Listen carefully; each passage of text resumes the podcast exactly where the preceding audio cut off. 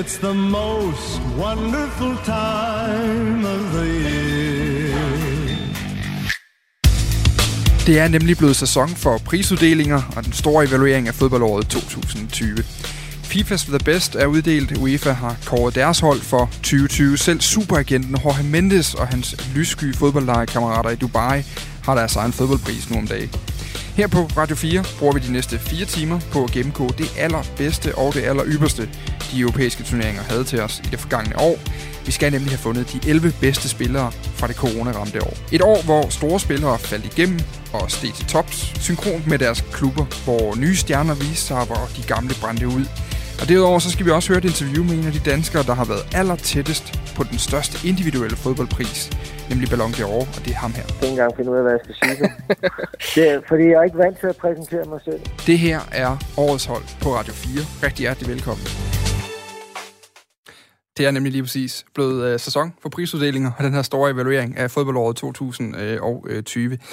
Øhm, og nu kan vi altså uh, kaste os ud i dagens program, og inden jeg ligesom begynder at præsentere øh, dagens øh, panel lige om øh, få minutter, så skal jeg lige huske at sige, at øh, du kan deltage i diskussionen i alt, hvad der foregår de næste fire timer i din radio, fordi det bliver fire stive timers fodbold nu. Øh, og øh, det skal du altså skrive en sms ind på 1424. Den skal du starte med R4.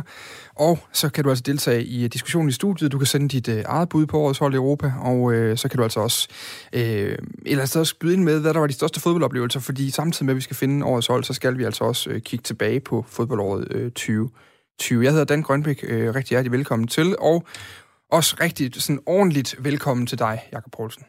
Mange tak, Dan. Tidligere fodboldspiller. Yes, korrekt. Jakob Helten fra Sveriges kampen, Poulsen. Ja, det er stadigvæk det, der dukker frem, selvom det er 11 år siden. Ja, lige præcis. Nå, men det er meget godt at have sådan nogle meritter, ligesom hive frem, jo. Ja, bestemt, bestemt. Jeg er også glad for det, mm. men øh, jeg ville også gerne have haft det. Der var nogen, man snakkede om, der var sket lidt senere. men altså, sådan er det jo. Goddag, Arnela Munimich. Goddag, goddag. Ej, og det virker også over for jer. Det er dejligt. Vi jo på grund af sådan en coronaomstændighed og alt muligt andet, og øh, geografiske øh, udfordringer, så er vi delt øh, to og to i hvert vores studie. To i København, to her i Aarhus, hvor vi øh, sidder med øh, friske forsyninger af snacks og sodavand, og hvad vi ellers kan, kan finde for at komme igennem de her timer. Også øh, goddag til dig, Gisle Thorsen over for København. Goddag, Dan. To fodboldjournalister, henholdsvis øh, Arnela Munowicz og, øh, og Gisle Thorsen. Nu, blev det, nu skal jeg lige stiger pulsen ned igen oven på tekniske problemer. Det er altid dejligt at starte på den måde, men nu tror jeg faktisk, det hele virker, og jeg kan se, at det bliver ved med at virke.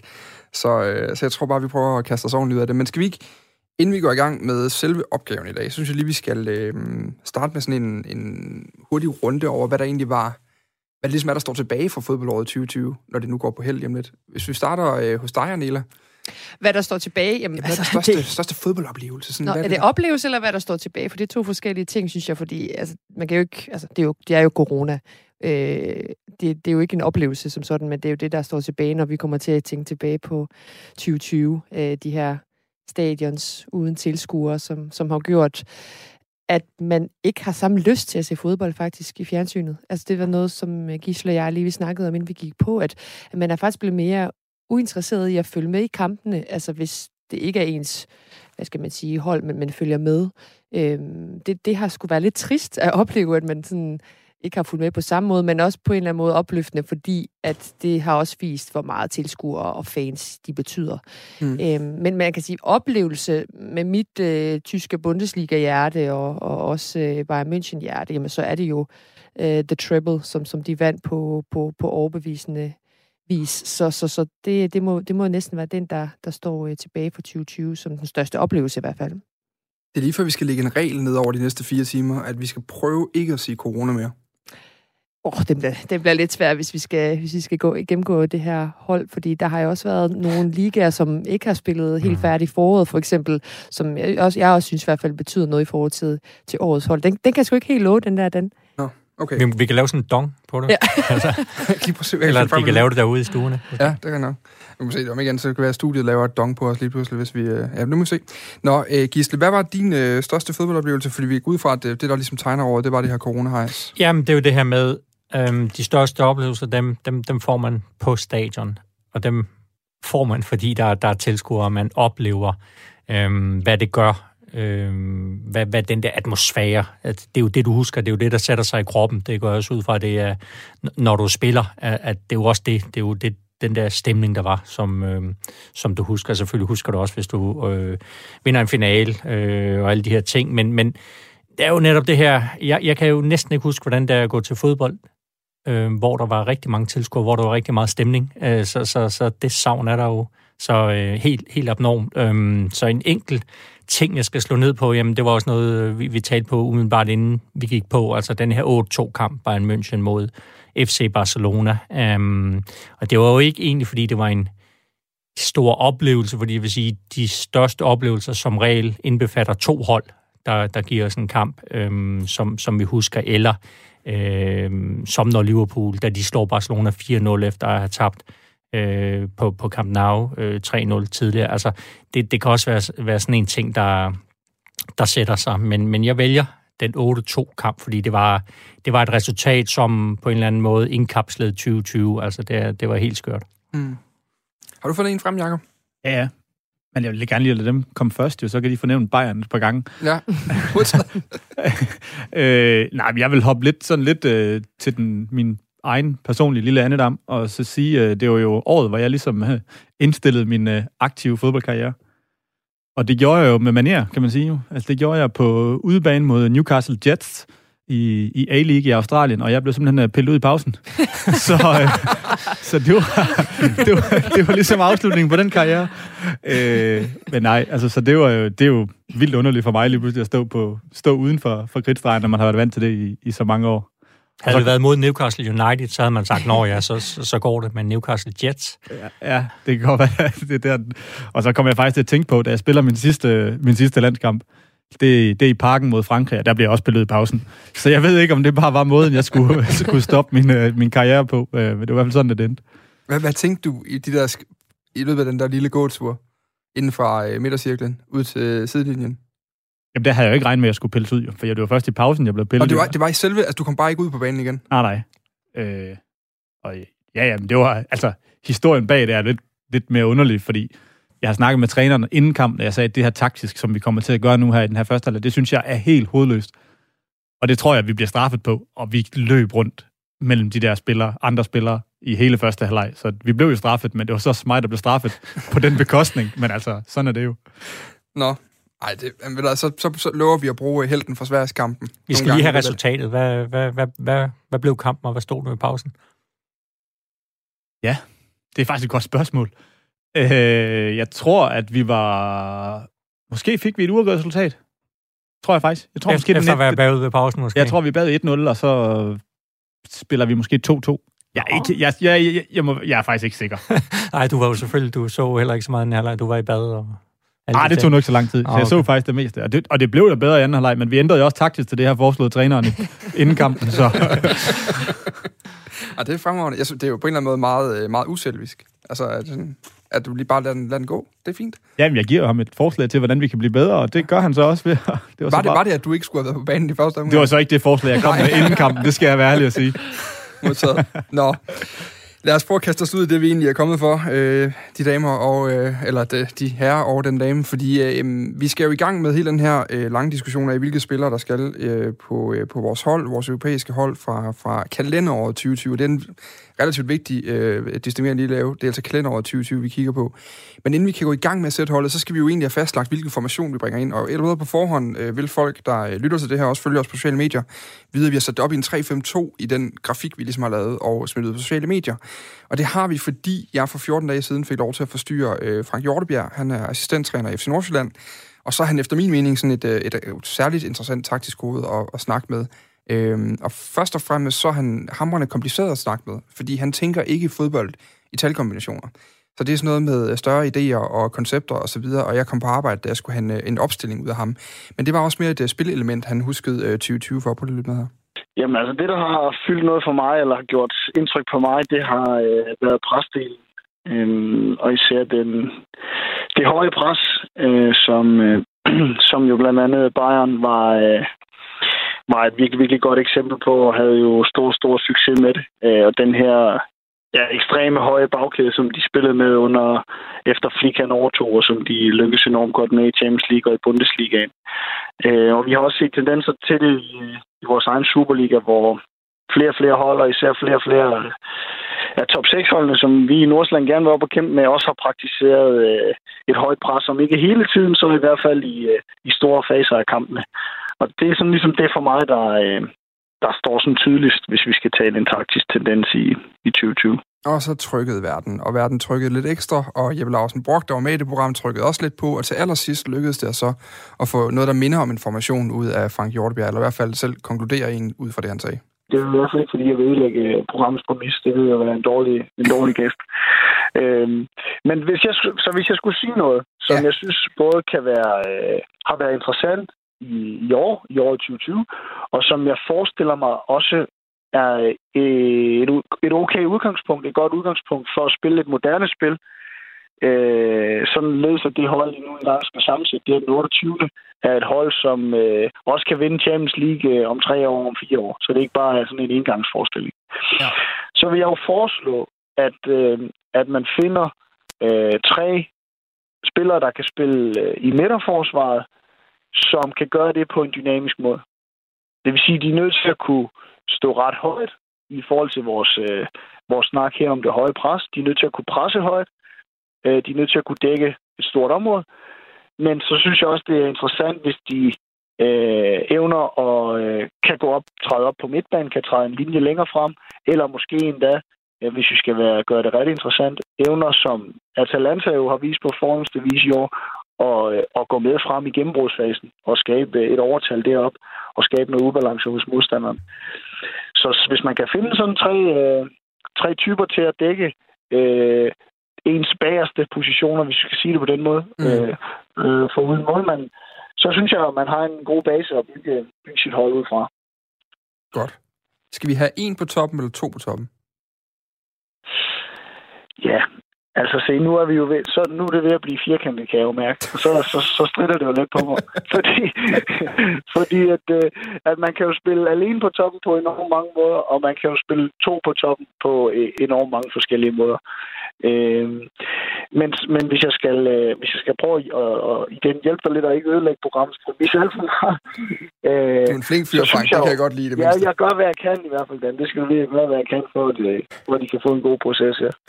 Øh, så vil jeg sige, at typisk ser man jo øh, et hold et, på, i, i faser af kampene mm. presse med mere end en spiller.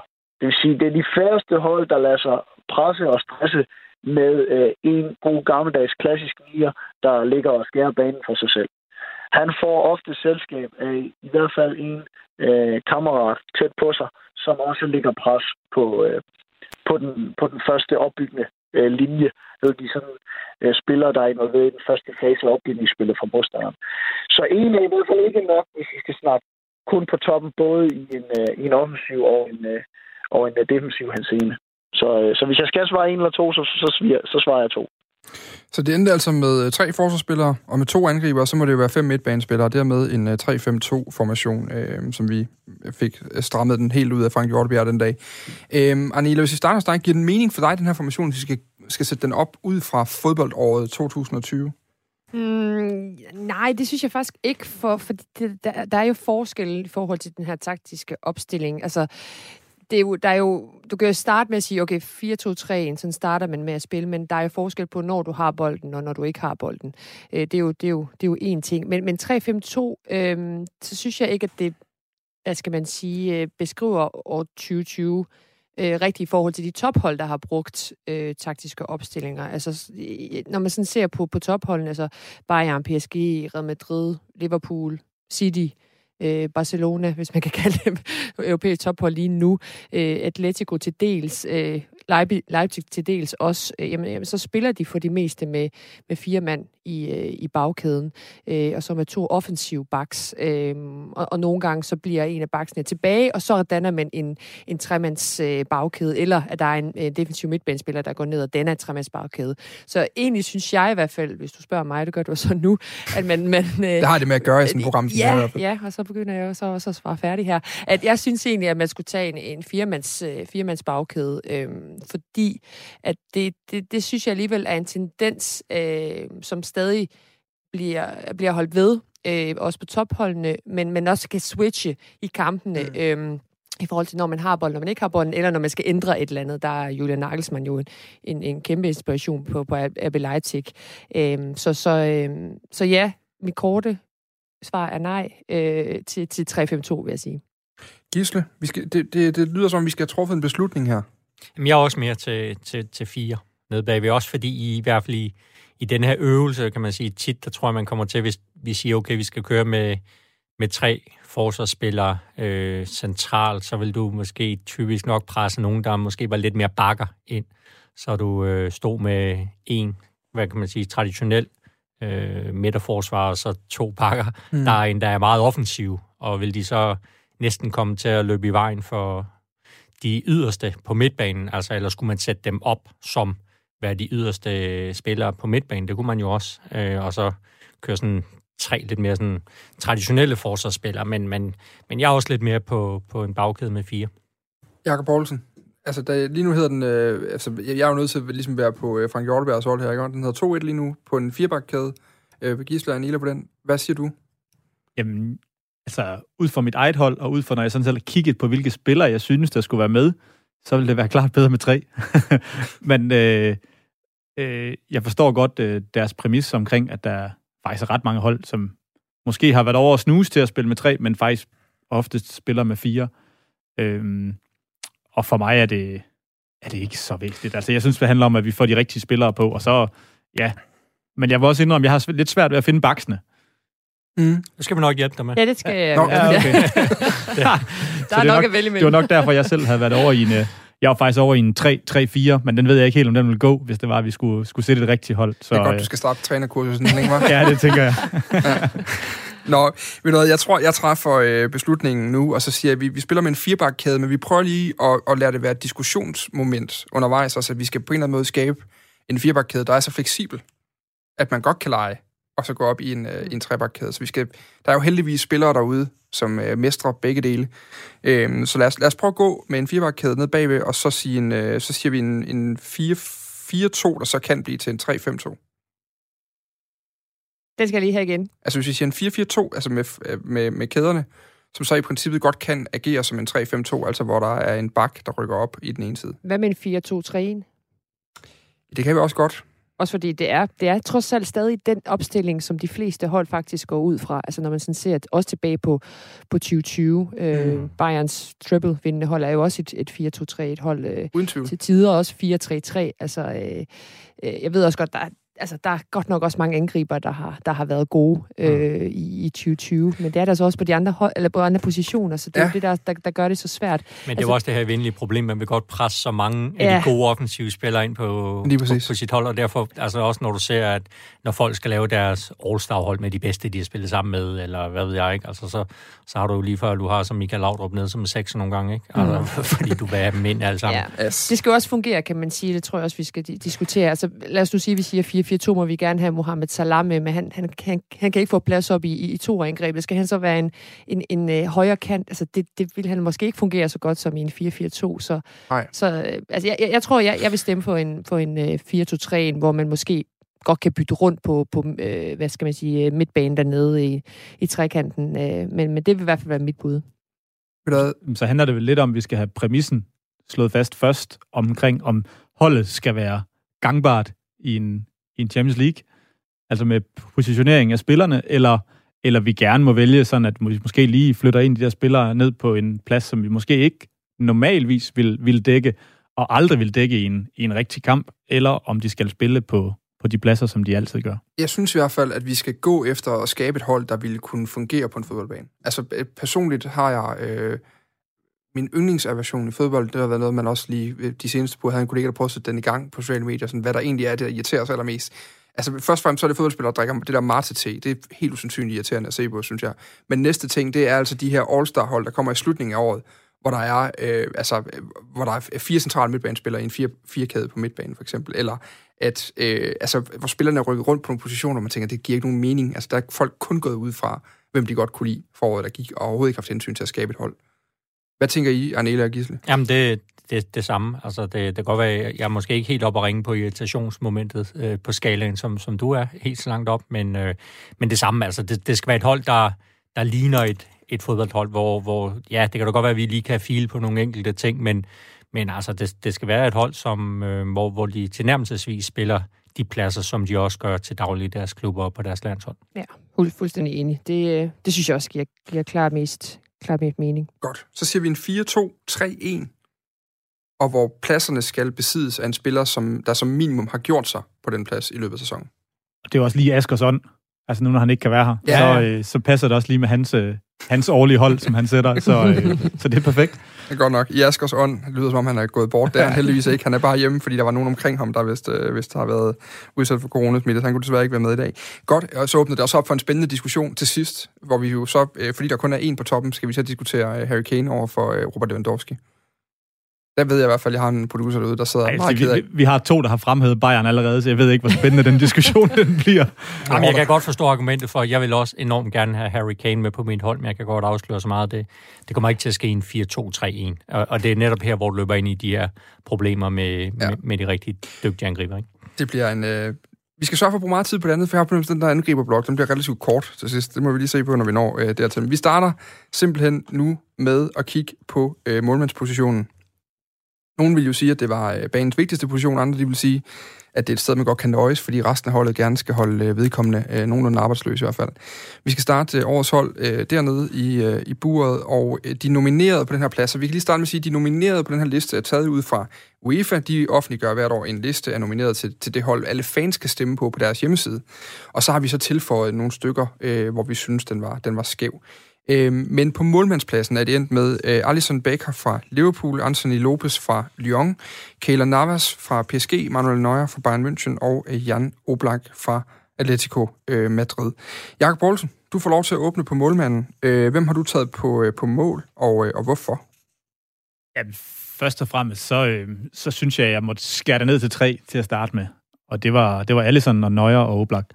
Fordi jeg simpelthen synes, at det er hver især fantastiske målmænd. Mm. Øh, og spiller i store klubber også. Du hiver altså de to fra PSG og, og Lyon. Jo, de er, de er da gode og har gjort rigtig godt sidste sæson. Men jeg synes også stadig, at de spiller i Frankrig. Altså, der er jo en Mm. grund til, at de spiller i Frankrig, og de ikke spiller i de andre ligaer, tænker jeg. Og der er også en af dem, der har været i, i Real Madrid. Øh, så, øh, så det var de tre, jeg ligesom fandt frem til. Og, øh, og mit valg, det, mit valg, det faldt på, øh, det faldt på Neuer. Øh, og det var ikke så meget, fordi jeg lige synes, han... Øh, både fordi jeg synes, han har været fantastisk, og han er, han er kommet igen, hvis man kan sige det sådan, fordi der var selvfølgelig nogle år siden, der snakkede vi om ham som klart verdens bedste målmand. Men øh, jeg synes, han har været lidt væk, og jeg synes, han er kommet flot igen, og ja, og så kan jeg også godt lide, at han er, han er meget, meget, meget offensiv, og også, at han ligesom selv har stået for at, og, og ligesom øh, at starte den stil for målmand, hvis man kan sige det sådan. Det synes jeg også er, at, at til, det er selvfølgelig ikke så meget med hans præstation det seneste år, det er jeg godt klar over, men mm. det er Mm. stadigvæk noget, som tiltaler mig. Og så, øh, ja, og så har han bare været fantastisk det seneste år. Øh, har vundet alt med, med Bayern jo. Og øh, ja, så det var, det var mit valg. Anita, du, du følger, som du sagde før, øh, det her, du har jo det her Bundesliga-hjerte, øh, og, og følger det rigtig, rigtig tæt. Kan du ikke lige prøve at sætte nogle ord på, på den der øh, tur, Manuel Neuer har taget fra netop i forbindelse med, det var jo nærmest i forbindelse med VM-slutrunden øh, tilbage i nullerne, han sådan rigtig øh, dukker frem og er, er, er, bliver, bliver kendt for den her nye stil, og så har han jo haft den her, jeg ved faktisk ikke, hvor stor den nedtur egentlig har været, men han har i hvert fald været lidt væk fra sit eget niveau, og så er han så kommet tilbage. Altså, hvad, hvad er han for en, en spiller, og, og hvor er han henne nu, kan man sige, i forhold til tidligere tiders niveau? Altså, ja, som Jakob så fint øh, fortalte, jamen, så er han jo tilbage på toppen, og øh, også i min verden, øh, verdens bedste målmand, i hvert fald er nu 2020. Øhm, og nu nævner du den der øhm, nedtur, om den var reel. Jamen, det synes jeg faktisk, den var. Altså, han var, han var langt nede øhm, omkring den her, ja, 17-18 sæson, og i forbindelse med, med VM-slutrunden, hvor der var meget snak om, og meget debat omkring, at det var jo egentlig Mark Andre Ter Stegen, der skulle have stået for, for Tyskland i, ved VM-slutrunden i 2018, og egentlig skulle overtage jobbet på, på det tyske landshold, men Joachim Löw, landstræner, har jo bare holdt ved Manuel Neuer og troet, han ville, han ville komme tilbage. Øh, han havde en, en del skader øh, op til øh, 2018, som, som, som hæmmede ham og hans niveau. Øhm, og, og man troede egentlig, men der var rigtig mange, der havde afskrevet ham. Og egentlig, så tænkte jeg da også lidt selv, at at jeg ikke troede, han ville komme tilbage på det her niveau, som han har vist i, i 2020. Men det viser måske også bare, hvilken målmand han er, og, og hvilken mentalitet han, han, han kører med til, til, til dagligt. Altså det, det, der gør ham så exceptionelt god, det er, han er en rigtig god målmand. Altså, det er en målmand skal gøre. Han er sindssygt god øh, på, på, på stregen, altså reaktionsstærk. Øh, og og, og han, han er god i, mod, i en mod en duellerne også. Han dirigerer rigtig meget med, med forsvaret. Altså alle de her dyder, som en, en rigtig målmand skal, skal have. Men, men det, han også er blevet kendt for, det er jo det her spil med, med bolden, hvor han, øh, hvor han står rigtig højt op. Og det, jeg synes, der er så, hvad skal man sige... Øh, fascinerende ved ham og den præstation, han har øh, leveret i 2020, det er, at den måde, som Bayern spiller på, er han bare enormt vigtig, fordi i hver eneste kamp, så skal han nærmest hive 2-3-100% øh, chancer øh, op, af, op af hatten, fordi at de spiller så ultimativt, så der vil få, altså modstanderne vil få så mange chancer. Og det, øh, hvis man følger nogle af Bayerns kampe, jamen, jamen så ser man, altså, det, det, det er ham, der, ham, der mange gange er matchvinderen i, i de her opgør, øh, udover Lewandowski selvfølgelig, der, der scorer de her mål. Øhm, så, så, på, så på mange måder, så, så har han jo været en, en nøglefigur for, for Bayern München i, i 2020 i forhold til ja, Bundesliga og pokalen, men især også for, for Champions League, når man husker tilbage på nogle af de redninger, han, øh, han har haft.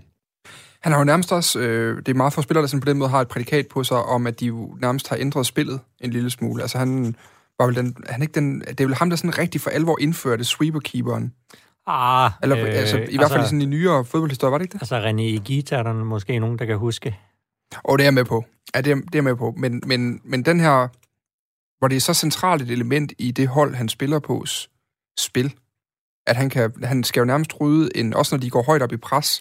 Han har nærmest det, fordi han er så, så ekstrem, er det ikke det er jo også fordi, og han kom ud med så, hvad kan man sige, så stor kraft på en anden façon. Altså, det, det, det, var det til VM i, i 14, altså, hvor han nærmest var op øh, midt på ja. banen og, og, og takte en, var det Algeriet? Algeriet, tror jeg. Ja, en Algeriet. Øh, altså, jeg tror også mere, det er også det, hele hans power, at han, øh, hvor du kan sige, René Gita og de der andre keeper, det har jo været sådan lidt mere med, med finesse, og de godt vil lave lidt lækkert, og, men, men, men Nøjer, det er jo det er virkelig ham, der kommer ud og så siger, okay, det godt agere som en, en sweeper med, med ja, nærmest glidende taklinger.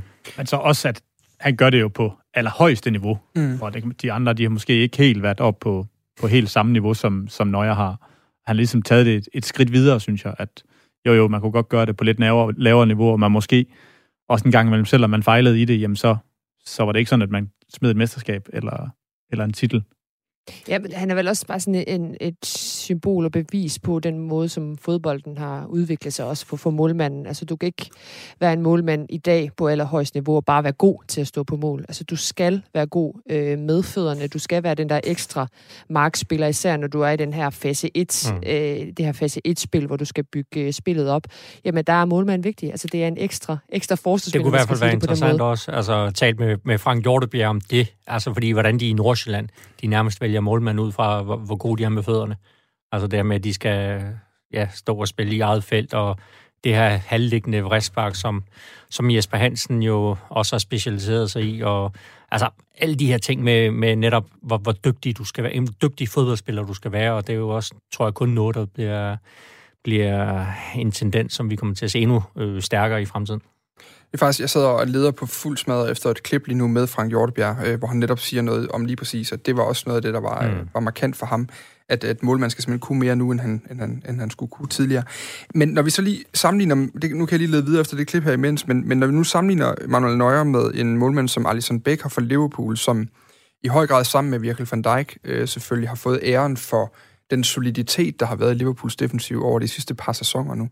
Altså, øh, hvor, hvor er det så, at Nøjer adskiller sig? Fordi Alison Becker har jo også vist sig at være helt usandsynlig god i spillet.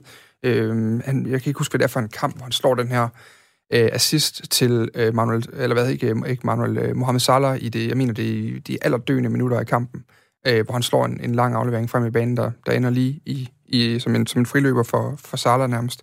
Altså, øh, jeg kan svært ved at adskille de to egentlig. Er det, er det titlerne i det forgangne år, der adskiller de to?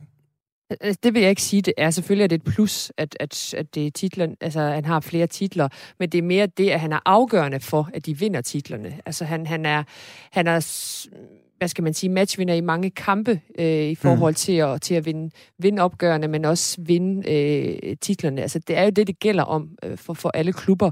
Øhm, og havde Alisson måske taget øh, en eller to skud mod Atletico Madrid, der hvor de ryger ud, jamen så havde han måske været løftet sig lidt mere op i forhold til den her sæson. Så det er altid de der små marginaler, og når vi snakker Alisson eller Jan Oblak... Jeg tror faktisk, han var skadet dengang, var han ikke det, Alisson? Oh, jo, det kan godt ja, være. Da de ryger ud, øh, men, men ellers er det rigtigt. Ja, altså, altså i forhold til, at, at de der kampe der, som, som afgør mm. det. Øhm, jeg, jeg synes bare, han har øh, måske lidt mere på, på repertoireet i forhold til, øh, til, til Allison, altså Manuel Løjer, øh, mm. fordi han, han nærmest, man kan se kryds ved alle ting, som en moderne målmand skal kunne.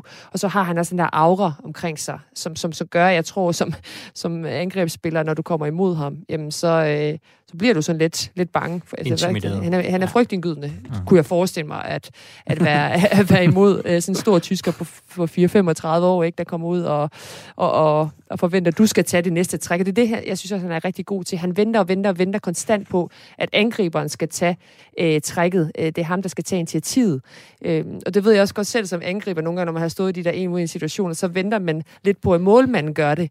Og de bedste målmænd, de lader dig til trækket, og så, og så er det lidt nemmere for, for, for keeperen at, at tage bolden, og det er han virkelig exceptionelt til. Det er de andre også, men jeg synes bare, i 2020, der har Nøjer bare ramt overskrifterne på, på rigtig mange øh, ting i de store øh, kampe. Altså for mig at se, så, så synes jeg altså også, at, at titlerne de er væsentlige. Ja. Men det falder jo så lidt tilbage på det samme kvæg, som man ellers siger, at, at han faktisk leverer i de der afgørende kampe, og der har han de redninger, der skal til, som, ja, som alle, som, som så ikke spillede kampen, men som han ikke havde. Og derfor igen synes jeg, at titlerne, de har noget at skulle have sagt, når man kigger på sådan en, et års hold. Øh, men derfor vil jeg stadigvæk være helt enig i, at jeg synes også, at han har lidt mere kvalitet set på, på de fleste parametre, end, øh, end de to andre, jeg nævnte. Det med titler må jeg bare lige altså sådan, øh, skyde ind her. Altså sådan, jeg, jeg synes også, det er enormt vigtigt, men, men det kommer også an på, hvilken indflydelse du har haft de titler. Altså, øh, man, man kan tage en, øh, lad os sige, en, en Kingsley Coman i, i Champions League, øh, og så sige, jamen han vandt jo The Treble, så skal han så ikke også på, altså nu, nu ryger jeg frem mod øh, kandspillerne med det samme, men, men bare sådan et eksempel på, at jamen, hvor stor en andel havde han i de titler øh, i forhold til, at vi skal bruge det som et argument. Det synes jeg generelt, man skal, man skal, man skal sådan tage med i alt det her. Øh, ikke bare på vores hold, men generelt i de store, på de store prisoverrækkelser, at, at man skal også se, hvad, hvad har vedkommende egentlig betydet for den titel øh, i forhold til, til, til øh, ja, de præstationer og arrangementer, man har vist. Man kan også sige, hvis vi lige kigger statistisk på dem, øh, så har Emanuel Neuer i 2020 spillet 41 kampe, og det, det er nogle tal, der er trukket lige i starten af december det her. Øh, 41 kampe, der han holdt øh, 16 clean sheets øh, på det tidspunkt. Alison Baker har også haft en skadesperiode i løbet af det her år her, og, og havde på det tidspunkt, han har for eksempel kun spillet, på det tidspunkt, der lige starten af december, havde han kun spillet 8 kampe i øh, 2021-sæsonen på grund af skade, øh, man havde i holdt øh, 11 clean sheets i 27 øh, kampe til, til, til sammenligning. Øhm, jeg kunne godt lige tænke mig at vinde... Må jeg afbryde dig igen? Ja, det må du gerne. det er fordi, det her med målmænd og clean sheets, det er, det, det, det er faktisk noget, jeg aldrig rigtig har forstået, hvorfor man bruger som et argument for, om en målmand er bedre end en anden. Fordi i min verden er et clean sheet et øhm, argument for et bevis, bevis for, hvordan et hold agerer defensivt sammen. Altså, hvordan fungerer forsvaret og det, den defensive organisation øh, godt eller ja. dårligt. Øhm, Manuel Neuer har meget få clean sheet i forhold til, hvad han plejer at have, fordi Bayern i hvert fald især her i efteråret ikke har spillet særlig godt, og fordi de indkasserer rigtig mange chancer, fordi deres presspil ikke fungerer. Øhm, så hvis man skulle bruge det som argument, så burde Manuel Neuer faktisk ikke vinde den her øh, vinde vores pris, i forhold til, at han skulle være målmand, fordi så burde det være en Oblak. Ja, altså, lige netop, ham vil jeg godt kaste i spil. Ja, fordi, men, men, men i min verden er det ikke gør det ikke Jan Oblak bedre, at han har, øh, nu ved jeg ikke, hvor mange clean sheets Atletico Madrid har haft i 2020, men det er fordi, at Atletico Madrid spiller på den her måde, så er det nemmere for Jan Oblak at få flere clean sheets end Manuel Neuer. Så, så, mm. så det argument har jeg faktisk aldrig forstået, hvorfor man bruger clean sheets som et argument for, en målmand er øh, succesfuld eller bedre, fordi det er holdets defensive organisation, det er mere bevis for. For så skulle man til at se på, hvad er det for en slags redninger, han laver, mm. øh, og så videre. Så, så øh, det var bare en lille pointe i det. Det, det, det, er, en, det er en rigtig god pointe, men, men, men der synes jeg også bare, fordi jeg, jeg havde faktisk overblagt på mit, øhm, og det var måske lidt mere ud for den der mavefornemmelse at sige, hvem vil du helst have på dit hold, altså hvis du skulle spille en, en fodboldkamp i, i morgen, øh, Oblak eller Nøjer. Der, og der landede jeg på Oblak, øh, men, men det, der er jo rigtig, rigtig mange gode argumenter for Nøjer, men, men jeg sad jo også og kiggede lidt på, på de ting, som, som Oblak har, har opnået i år, men også lidt tidligere. Altså du kan sige, han har jo lige sat rekord for at være den hurtigste der når øh, 100 clean sheets i, øh, i Spanien, altså ja. 100, 182 kampe. Men det er så mit argument igen. Lige, lige netop. Han, men, men, og, og hvis man ser siden, det her det er nogle tal, der fra sidst i november, øh, altså siden da Oblak han spillede første gang for, for Atletico Madrid, øh, der har han, øh, ja, det, og sidst i november var han så på 112 clean sheets, og den næste af de her sådan, topmålmænd, øh, det var Handanovic, der havde 75, og også hvis man kigger lidt på, hvor mange minutter, at der typisk går for, eller i snit går, øh, hvor mange minutter, der går mellem scoringerne, så var det altså 145 minutter på, på Oblak, og 124 på Alisson, og, og 119 på Neuer. Øh, Anellas pointe er, er meget valid, og det, er også, det, det fortæller også en hel del om, øh, hvilke hold de spiller på, og, og hvad deres fokus er. Øh, Neuers tal vil sandsynligvis også være højere, hvis han spillede Atletico Madrid, men, men, men jeg synes bare, det, det er i hvert fald et, en, øh, en pointe, som, som er værd at med omkring, altså hvis man ser på, på de her tal med, med Oblak, at, at der er han altså outstanding. Og vi kan lige sige, Oblak er altså, øh, som sagt øh, øh målmand i Atletico Madrid, 27 år gammel, øh, og hvis vi lige skal blive tallene, så det er i starten af, af december, der hed den øh, 40 kampe i 2020 og, og 18 øh, clean sheets. På en eller anden måde, Arnele, kan man så ikke også sige, at hvis man skal vi bruger også, øh, vi ved udmærket godt, at der bliver scoret et mål i en fodboldkamp, så nogle gange er det 100% angriberens fortjeneste, der bliver scoret det mål. Men ganske ofte er det jo også et produkt af en samlet holdindsats, som så i sidste ende ender som en, et tal ud fra en angriber. Øh, men der vurderer vi jo også angriber relativt kynisk på deres mål. Er, det ikke, er, er vi ikke ude i lidt af den samme der, at, at, er det så også et problem, at vi kigger på de her ultimativer, når vi kigger på de her tal? Jo, men det gør vi måske også lidt for meget, altså i forhold til, at, øh, at man kigger for meget nogle gange på, på, på statistik. Altså lige præcis med mål er det måske lidt, lidt anderledes, fordi det, det, det, det synes jeg alligevel viser meget godt, at, at, en, at en, en spiller har været skarp. Og så alligevel ikke, altså hvis du nu har scoret 20 mål, men, men, men brændt, øh, altså hvad ved jeg, 20-100% chancer, jamen så har det måske ikke været godt nok. Øh, så, så, så på den måde kan man også godt tage nogle... Øh, hvad skal man sige, nogle andre analyser ind bag ved de her tal. Øhm, men, men det var bare i forhold til clean sheets i hvert fald, det er bare, det er bare en ting, jeg nogle gange, eller mange gange har, har stusset ved, at, at det er en, en ting, man bruger som argument. Og, og jeg, jeg kunne egentlig godt tænke mig, at man måske havde kunne, ja, kunne analysere målmændenes, øhm, hvad skal man sige, præstationer på en anden måde i forhold til tal. Altså, mm. Jeg, jeg godt tror, sige, det, der, der, den her bog, der hedder Football Hackers, som der måske er nogen, der har, der har læst, altså der med, med alt det her, der er sådan, ja, det handler jo også meget om det, som de har gjort i Midtjylland, og, og man også går mange andre steder nu her, um, altså med virkelig at gå ind og, og kigge på data.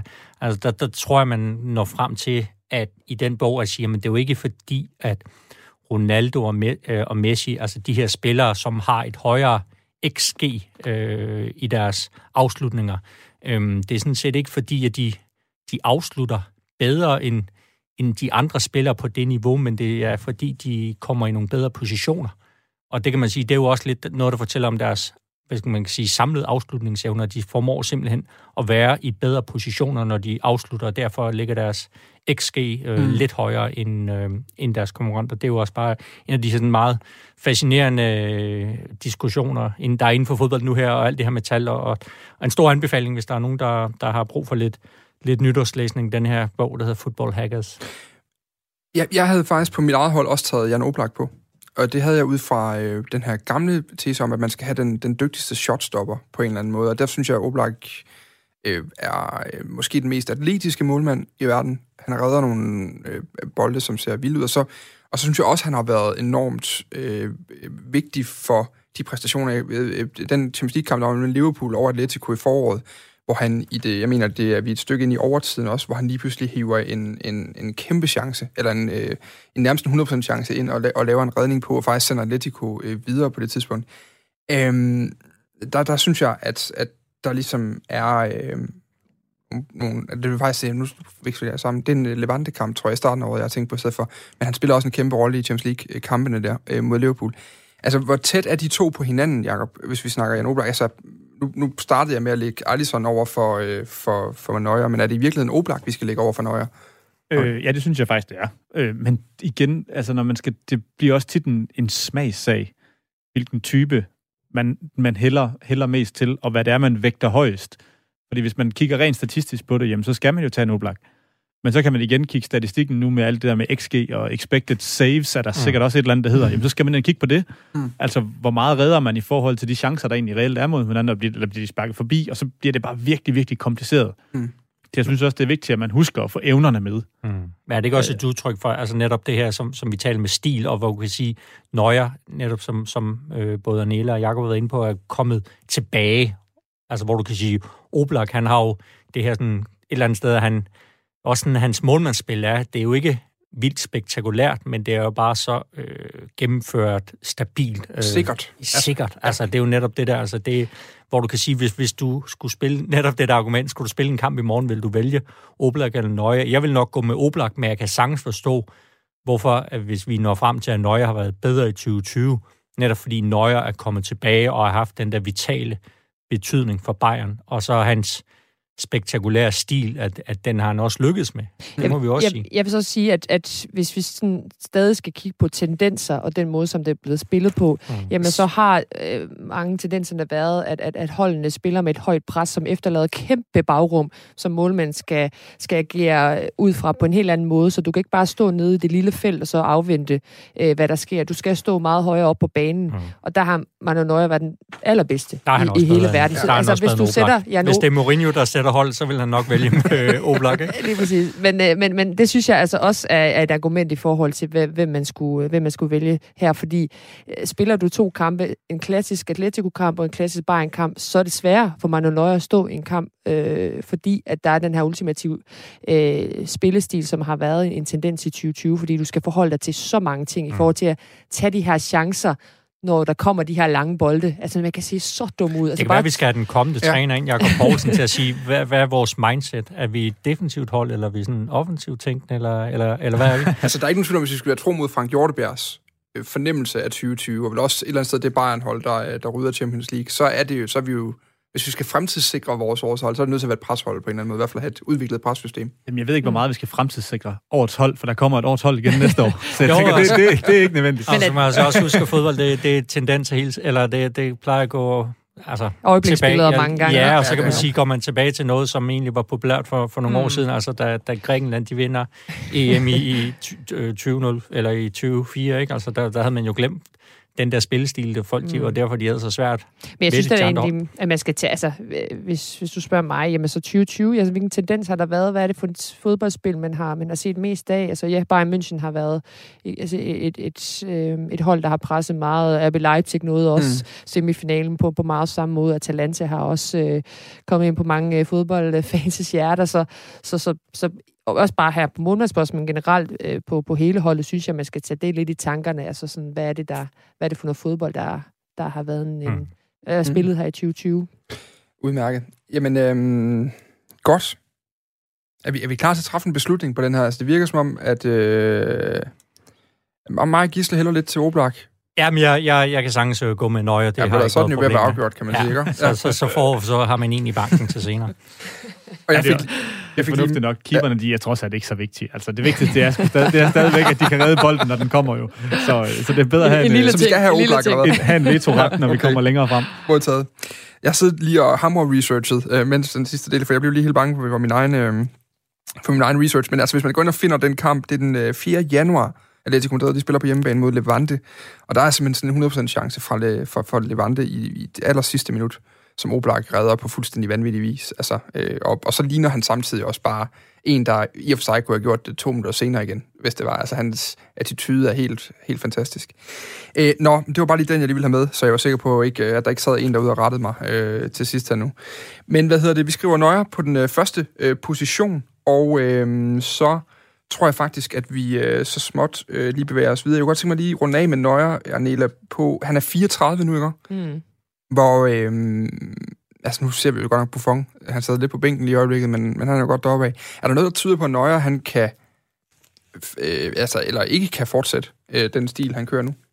Ikke som det ser ud lige nu. Altså, Bayern har jo, har jo købt en, en meget talentfuld målmand i, i Alexander Nybel i, fra Schalke, hvor man måske troede i, øh, i ledelsen hos Bayern, at, at når jeg måske vil trappe lidt ned her øh, ja, fra sidste sæson, og så de kommende øh, to sæsoner, så kunne Nybel så komme ind og overtage, men det, det har altså ikke været tilfældet, når, når jeg har slet ikke givet lov til, at, at Nybel skulle ind og, og stå bare i en kamp eller to kampe, fordi at, at han, han er tilbage, hvor han gerne vil være. Han skal også spille øh, EM til sommer, og jeg tror bestemt ikke, det er der, han stopper. Han vil også gerne have VM med. Så, så i forhold til, at han er 34, fylder 35 i marts, jamen, øh, så, øh, så ser det altså rimelig godt ud for, for ham, hvis han fortsætter med, med det her niveau.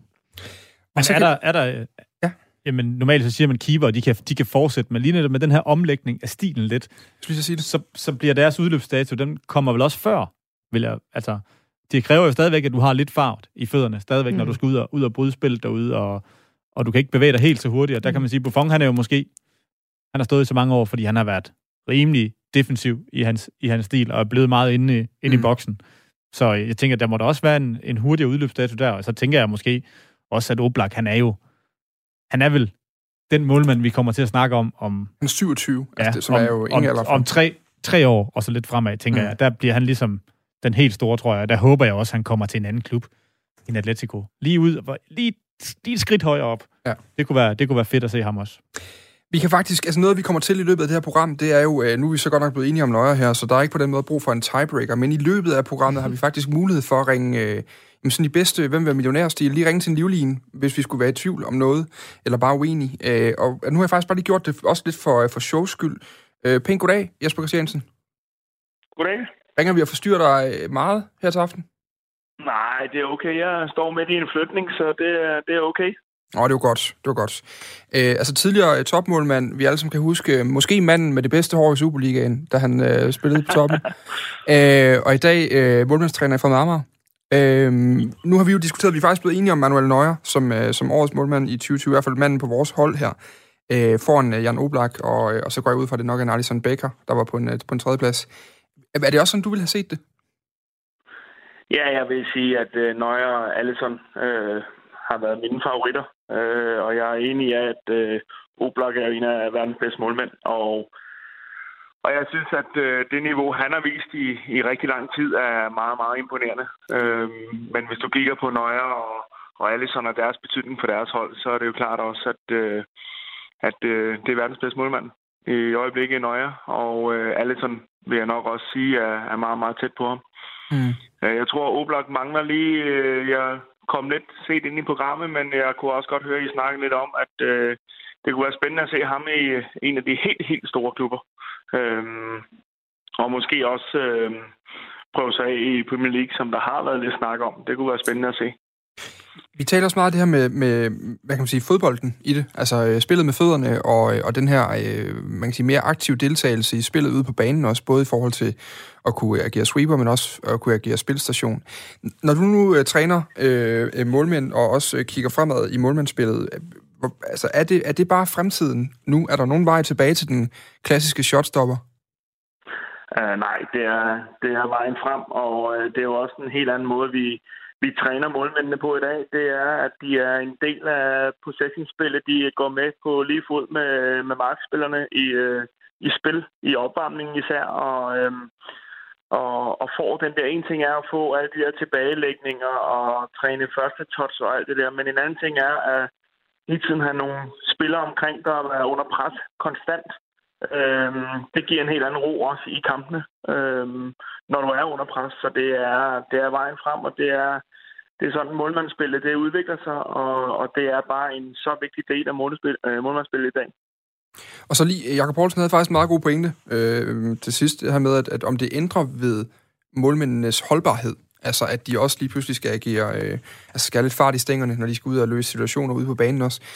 Kommer vi til at se, øh, se yngre målmænd, tror du? Fordi nu har vi ellers haft en tendens i, i nogle år, hvor, hvor målmænd, de kunne jo blive ved til, at de var langt op i 30'erne, nærmest toppe, når de havde, øh, havde rundet 30. Øh, det, ja, jeg, jeg tror stadigvæk, vi vil se, at øh, målmændene holder øh, generelt længere og, og godt kan spille på topniveau, selv øh, når de runder 35. Øh, det handler meget om øh, deres fysiske form og, og så videre, men det er klart, at øh, du, du er mere med i spillet, du, øh, men, men, men når det er sagt, så, øh, så tror jeg ikke, at det, det ændrer på, om du, du holder længere til målmand. Fordi i dag, der træner du også helt anderledes, end vi andre gjorde for, for 20 år siden. Mm. Øh, jeg synes, øh, spillere generelt, og også målmænd, er jo blevet meget mere atletiske i dag, end de var for bare 10-15 år siden. Så øh, jeg, jeg tror stadig på, at spillerne kan holde længere og længere. Øh, når vi snakker målmænd, så, så tror jeg sagtens, de kan, de kan holde øh, på den anden side 35 stadigvæk. Og så har du selvfølgelig nogle, øh, nogen som øh, Buffon og så videre, som øh, ja, kan lidt ekstra, ikke? Mm, det må man sige. Jamen, øh, Jesper, øh, god flytning. Jo, tak. Vil du være med at ødelægge noget, ikke? Ja, jeg skal prøve. Godt. Jamen, øh, godt, godt nytår, når du når så langt. Tak fordi vi måtte forstyrre dig. Ja. Tak og lige måde. Øh, sådan kan vi altså vælge at bruge de her eksperter i løbet af programmet. Jeg tror egentlig ikke, jeg har lyst til at fortælle, øh, hvem der er eksperterne på de, øh, på de givende positioner, men jeg kan sige, at der er nogle navne, hvor, hvor jeg sad og tænkte, åh, fedt, det, ham har man ikke hørt fra i lang tid. Der er godt kommet noget spændende, og det er ikke nødvendigvis dig, Jacob Poulsen. Øh, der, øh, altså, vi har faktisk også indhentet en til midtbanen. Øh, jeg havde ikke lige set på forhånd, at det måske godt kunne blive sådan lidt... Det er, det er jo på en, altså, det er jo ikke sådan en mistillidserklæring til dine evner som styrmand på midtbanen eller noget, at vi har en anden en, vi kan ringe til. Nej, sådan føler jeg det faktisk heller ikke. Så det, det er helt okay. Har du ikke også spillet bak, Jacob, i Esbjerg? Jo, altså, det har jeg. Så, så vi kan jo altid bruge ham der. Ja, det er ikke aller, du, ja, vi mangler hvis, faktisk hvis, en i forsvaret. Det kan jeg sagtens klare. Uden problem. Nå, godt. Et andet element i dagens program, det er altså også en uh, quiz, øh, som, altså det er jer, den går ud over. Øh, og jeg har, jeg har samlet nogle, altså det, den fungerer på den måde, at jeg øh, kommer med nogle spørgsmål igennem programmet, så skriver I nogle svar ned, øh, og så øh, til sidst samler vi sammen. Jeg har ikke lige fundet ud af, hvad præmien er endnu, men den kommer til at være god. Det tør jeg godt love. Har, du har, har du kamera derovre? For jeg er lidt i tvivl om, de kunne finde på at google eller jeg noget. har, jeg har kamera. Jeg kan ja, se godt. Arnelas computerskærm. Kan du se den her? Nej, det kan jeg faktisk ikke. Altså, jeg kan ikke helt tydeligt se. Det, ikke, det skal ikke lyde på den måde, Arnela. Det lyder også underligt. Men... Jeg har bare lavet en ny note, ja, som godt. du også ligesom sagde til os, ja. inden, uh, inden vi programmet startede. Præcis. Så uh, lydige, lydige uh, paneldeltager heroverfra. Ja, jeg, jeg aner ikke, hvad Gisle laver over på den der computer, men jeg går ud fra, at du holder styr på ham. Det kan jeg faktisk ikke, for helt Men jeg stoler på Gisle. Godt. Nu skal I høre. Øh, spørgsmålet nu er, hvem har scoret flest ligamål i kalenderåret på tværs af top 5 ligaerne i Europa? Altså det er i kalenderåret 2020. Jeg har lavet en top 10 her, og I må skrive op til 10 navne ned. Der er et point per navn, man rammer rigtigt, og man får to point, hvis man også rammer den rigtige plads på listen rigtigt. Altså fra 1 til 10, hvem har scoret flest ligamål i kalenderåret på tværs af top 5 ligaerne i Europa? Og bare for god ordens skyld, så er det jo så Spanien, England, Tyskland, Frankrig og Italien. Er den... Øh, giver den mening? Ja, det tror jeg. Ja. Godt. I får øh, tid til lige at øh, skrive lidt nu, øh, fordi så kan jeg til gengæld sige, at om øh, godt og vel et halvt minut, der er der øh, nyheder her på øh, Radio 4 øh, i fem minutters tid, hvor vi lige kan få lov til at trække vejret. På den anden side af nyhederne, der er vi tilbage med øh, forsvaret, skal vi til at kigge på. Altså i øh, årets hold, vi er i gang med at lave. Vi sender tre timer endnu. Øh, hvis du er rigtig glad for fodbold, så bliver det rigtig, rigtig godt. Hvis du et eller andet sted havde håbet på, at der var noget øh, julehygge, eller noget omkring Venstre, eller Mink-sagen, eller vacciner eller noget lige nu, så går der lige lidt tid, men, øh, men vi lover, at der nok skal være noget om det i, øh, i nyhederne øh, undervejs, hvis du har svært ved at holde os andre ud. Klokken er i hvert fald blevet 18 nu. Du får et skud nyt.